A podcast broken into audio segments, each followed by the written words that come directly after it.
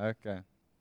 I think one of the reasons a lot of people is not here is our our parents that normally come have children and their children is getting back into their routines of going to bed to eight. The one lady told me this morning the children needs to go back to bed at eight tonight because there's only two more nights left and school starts. So yeah, it's a lot of stuff happening in this last week before school starts. Some of us who's starting work tomorrow. You are starting work tomorrow. You starting. You starting. We we. Oh, that's awesome. That's that's that's the way you are supposed to start your work. One day off and then four day one day work, four days off. That's awesome. Uh, we started Wednesday, just just to ease in everything, because this week it's gonna be a hectic week but we're going to love every moment. Now, statistics say um, 45% of Americans make New Year's resolutions. And of that 45%, 8% normally goes through with the resolutions.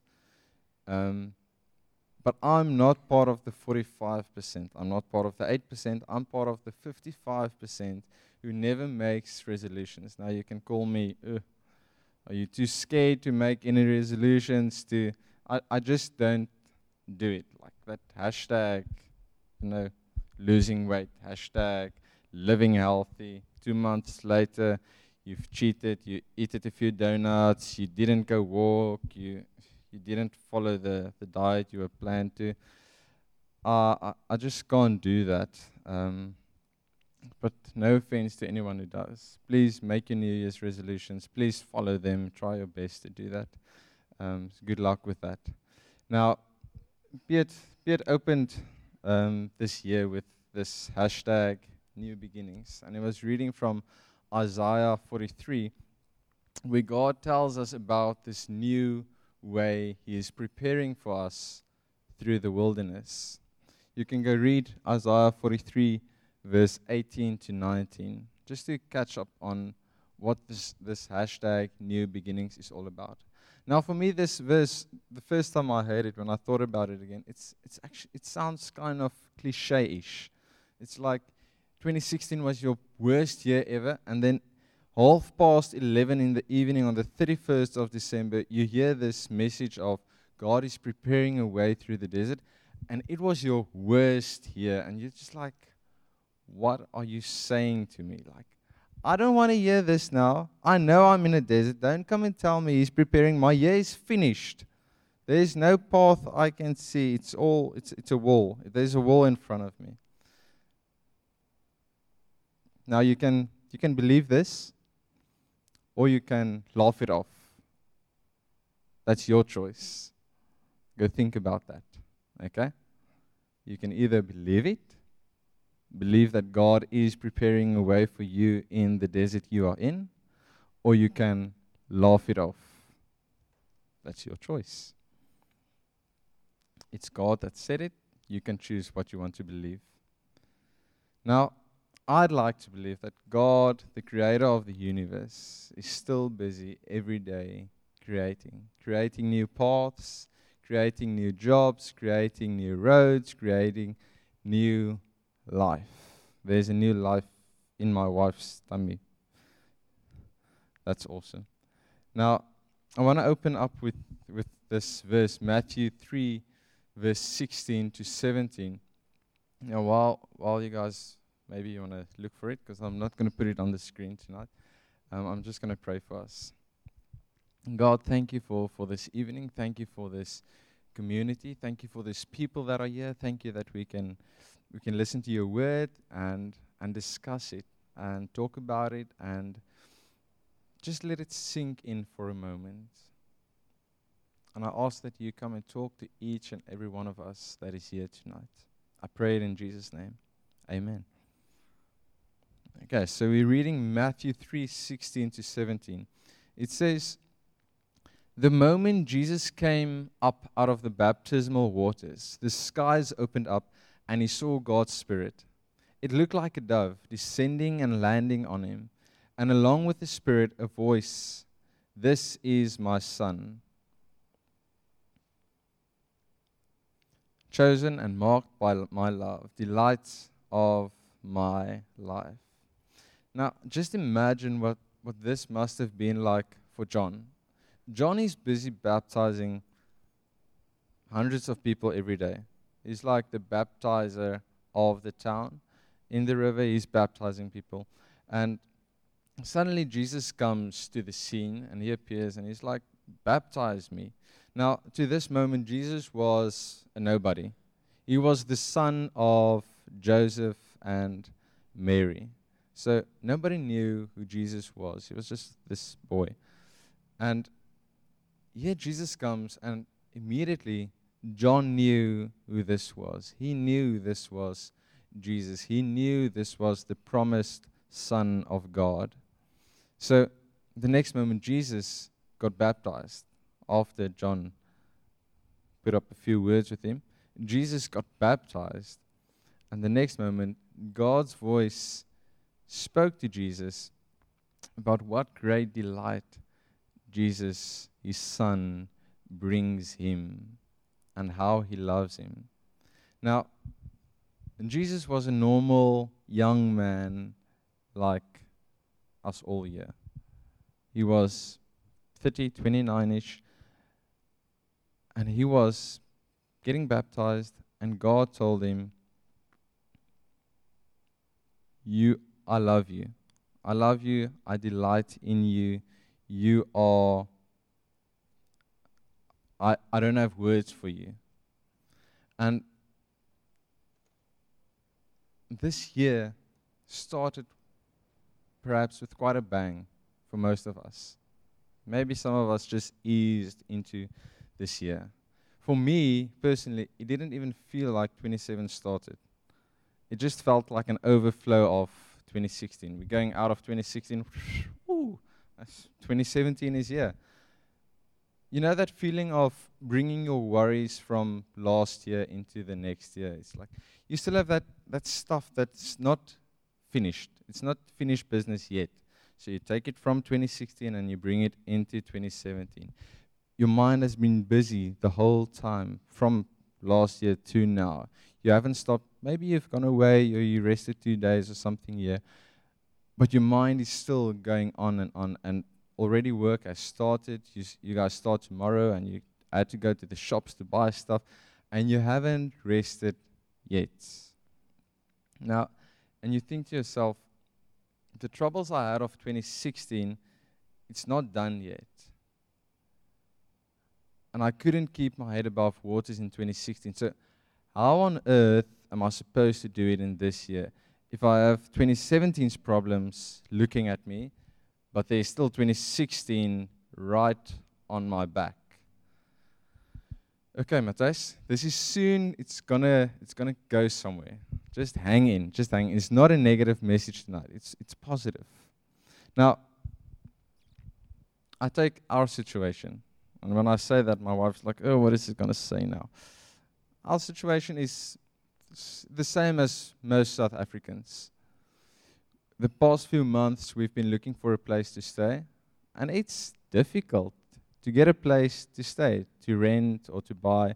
We thought, wow, we're going to look for a place to buy. We're going to shoot for the stars, and we we got disappointed. We couldn't afford a place because it's way, it's ridiculous expensive to buy nowadays. And even renting, I don't know if you know, but renting is very expensive. It's it's it's crazy, and who would have thought? And it's like expensive, and you have this fear of, oh, how are we gonna, how are we gonna survive? How are we gonna make this? You look around and you see people living in mansions. How are you ever gonna just afford a house for your family? How are you gonna provide for for this for the baby that is coming? And and you have all these thoughts going in your mind, and you're just like, oh man. And And I, while I was preparing this, it just came to mind I have to, to release. Now, now, before doing anything this year, before I know some of you have already made the resolutions, you guys have already thought this is my goal for 2017. I am going to be awesome. Okay? Now, I, I want you to meditate on this. Before Jesus has done anything spectacular, like the miracles and stuff we read, we, we read about, is before he's done anything, God was already delighted in him. God put his thumb of approval on him. Now, 2017 is a new beginning. And I want you to start this year out with this knowing that God delights in you. God delights in me and He delights in you. And you are His beloved son and you are His beloved daughter. Now, whether you set out goals or you don't, whether you have resolutions or not, let's start moving from a place where we know who we are. Not just who we are, we are the son of someone, who we are in Christ. If we don't know our identity in Christ, that's where we fail. We think we fail. We think we are failures. And we constantly miss the approval that God has already put on our lives. Now, now the next few points that I'm going to make is not, not the beginning and the end. It's not the most amazing points, but I think it's important for you to take these into 2017, and whether you make the resolutions or not, live with this. The first one is, and it's probably the most important, is the fact that you should know that you are loved. And, and immediately, for me, this verse came into mind is 1 John 4, verse 18, which says, Perfect loves, perfect love drives out fear. God's love drives out all fear. When you start thinking about the future, when you start worrying about yesterday's problem, when you start worrying about tomorrow, what are you going to do? How are you going to provide? Remember this I am loved by God. And in God, there is no place for fear. Now, searching for a place to live, thinking about finances, finances thinking about the baby, thinking about where, where we're going to be, this church, us all in 10 years' time, that, that might bring in some fear into your life. If you read the newspapers, if you read the situations our land, America is in, it might bring in fear. But then you have to remind yourself in God, there is no place for fear. In His love, there is no place for fear because His love is bigger than our fear. How many of, of you have begun 2017 with the thought, I am not loved? I am not worthy to be loved. I'm not good enough. I'm not good looking enough. No one will ever love me. Now we all come from different backgrounds and and it's it's really it's easy to believe this lie of I'm not loved. Maybe maybe you have heard something in, in your past growing up. Maybe you have not heard the words I love you enough from your dad or your mom or your brother, your sister. And you're like searching for just searching for this I want to be loved. I need to be loved. I need to feel loved. And, and you just can't seem to get it. And in 1 John 4, verse 19, Jesus says, or he says, We love because he first loved us. God doesn't work the way we think, the way we operate. You don't have to do something to earn the love of God. You just are loved. You don't need to do anything, and that's it. You don't have to go searching any, any, any place, anywhere. He's here. He's right beside you. There where you go, He's there. And He loves you for who you are. In Romans 5, verse 8, it says, But God demonstrates His own love for us in this. While we were still sinners, Christ died for us.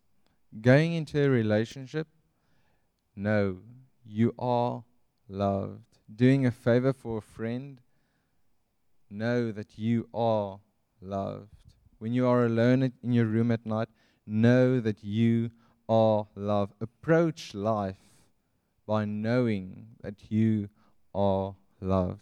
I think that is one of the most important experiences I had last year. Just, we should just know when we do something, do it with the knowing that you are loved. You don't have to get someone's approval. You don't have to be accepted by people because you are already accepted. You are already loved. So when you do something, just do it because you want to do it, not to get someone's approval or someone's acceptance.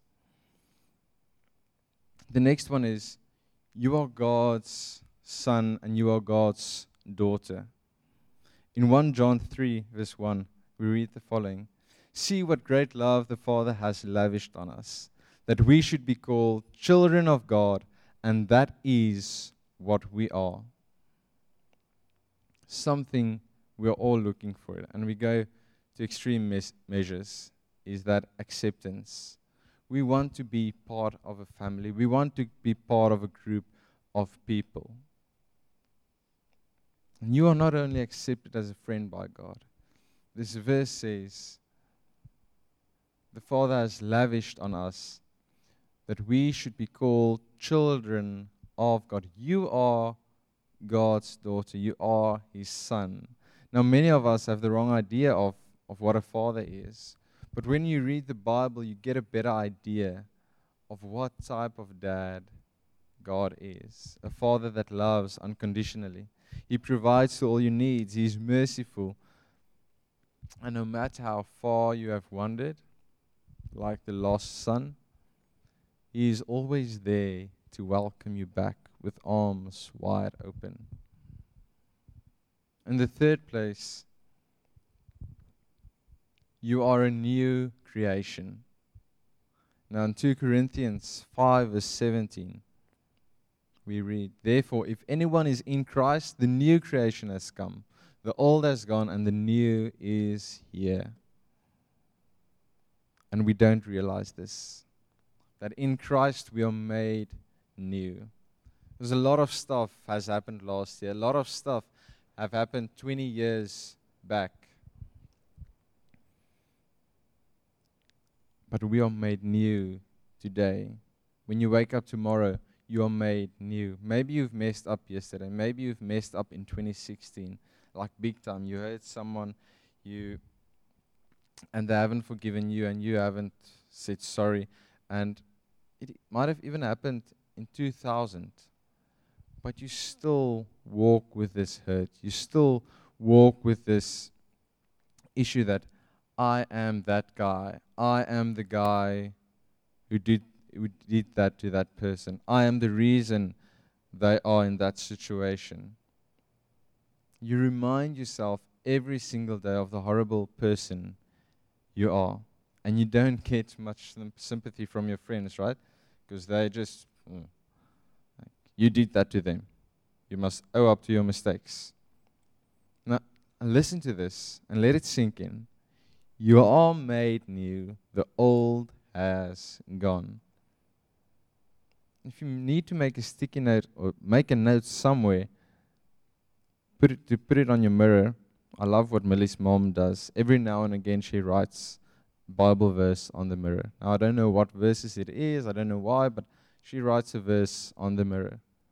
If you want to do something, go write, I am made new. The old has gone. Because what we do is we, we look at our past mistakes and the things we've done, and we let that define us. And that's not what defines us. We should rather let Jesus define us. We should be defined by what he has done for us because we are made new in Him. And now, realizing these three things in 2017, I can promise you it's going to open up doors for you.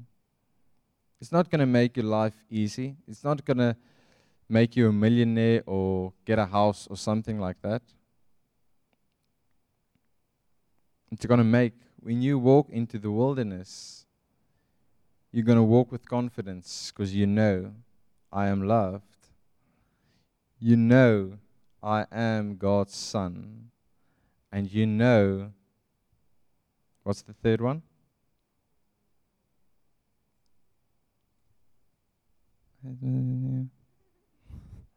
that I am a new creation in Him. Will you rem- I think the only way you'll, you'll remember is it by saying it aloud. I'm going to ask you guys to say this. Not you are loved. I want you guys to say, I am loved by God. Three, two, one. I am loved by God. I am His Son. His Son. And I am a new creation. No matter what the wilderness throws at you, we will go through it. In 2016, we did go through it. And we are in 2017. God has never left your side. It might have felt like that. It might have been tempting to just give up, to throw up hope, to put in the white flag. But Jesus also went through the wilderness. Right after he's been baptized, right after the dove came down, he went into the wilderness and he got tempted.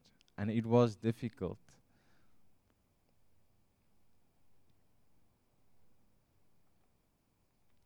But he knew who, he was in God. And he had that affirmation on his life. You can walk out of here tonight and like feel great and say, Woo, I'm a child of God. I'm loved by the Father who created the universe. And I am a new creation. Everything I've done today is gone, it's wiped away. And wake up tomorrow morning and you're like, oh, where was I last night? Hmm, I don't know. Um, or you can actually meditate on this, write it down, and make a note in your house, in places where you read it constantly, every single day remind yourself who you are, and then walk into the wilderness with confidence and looking out for the path that God is making for you. Hashtag new beginnings, eh? And that's it for the night. Let's close our eyes. Jesus, we want to thank you for, for evening like this. Thank you for a new beginning. Thank you for a new year. Thank you for life. Thank you for friends. Thank you for family. And tonight we sit here and we, we're saying, Thank you that we can be called your sons and your daughters. That you love us and the, that you provide to us. God, you are our, our Father, a loving Father, a Father who surrounds us with your arms. Thanks for never leaving us alone. Thanks for, for making the path in the wilderness.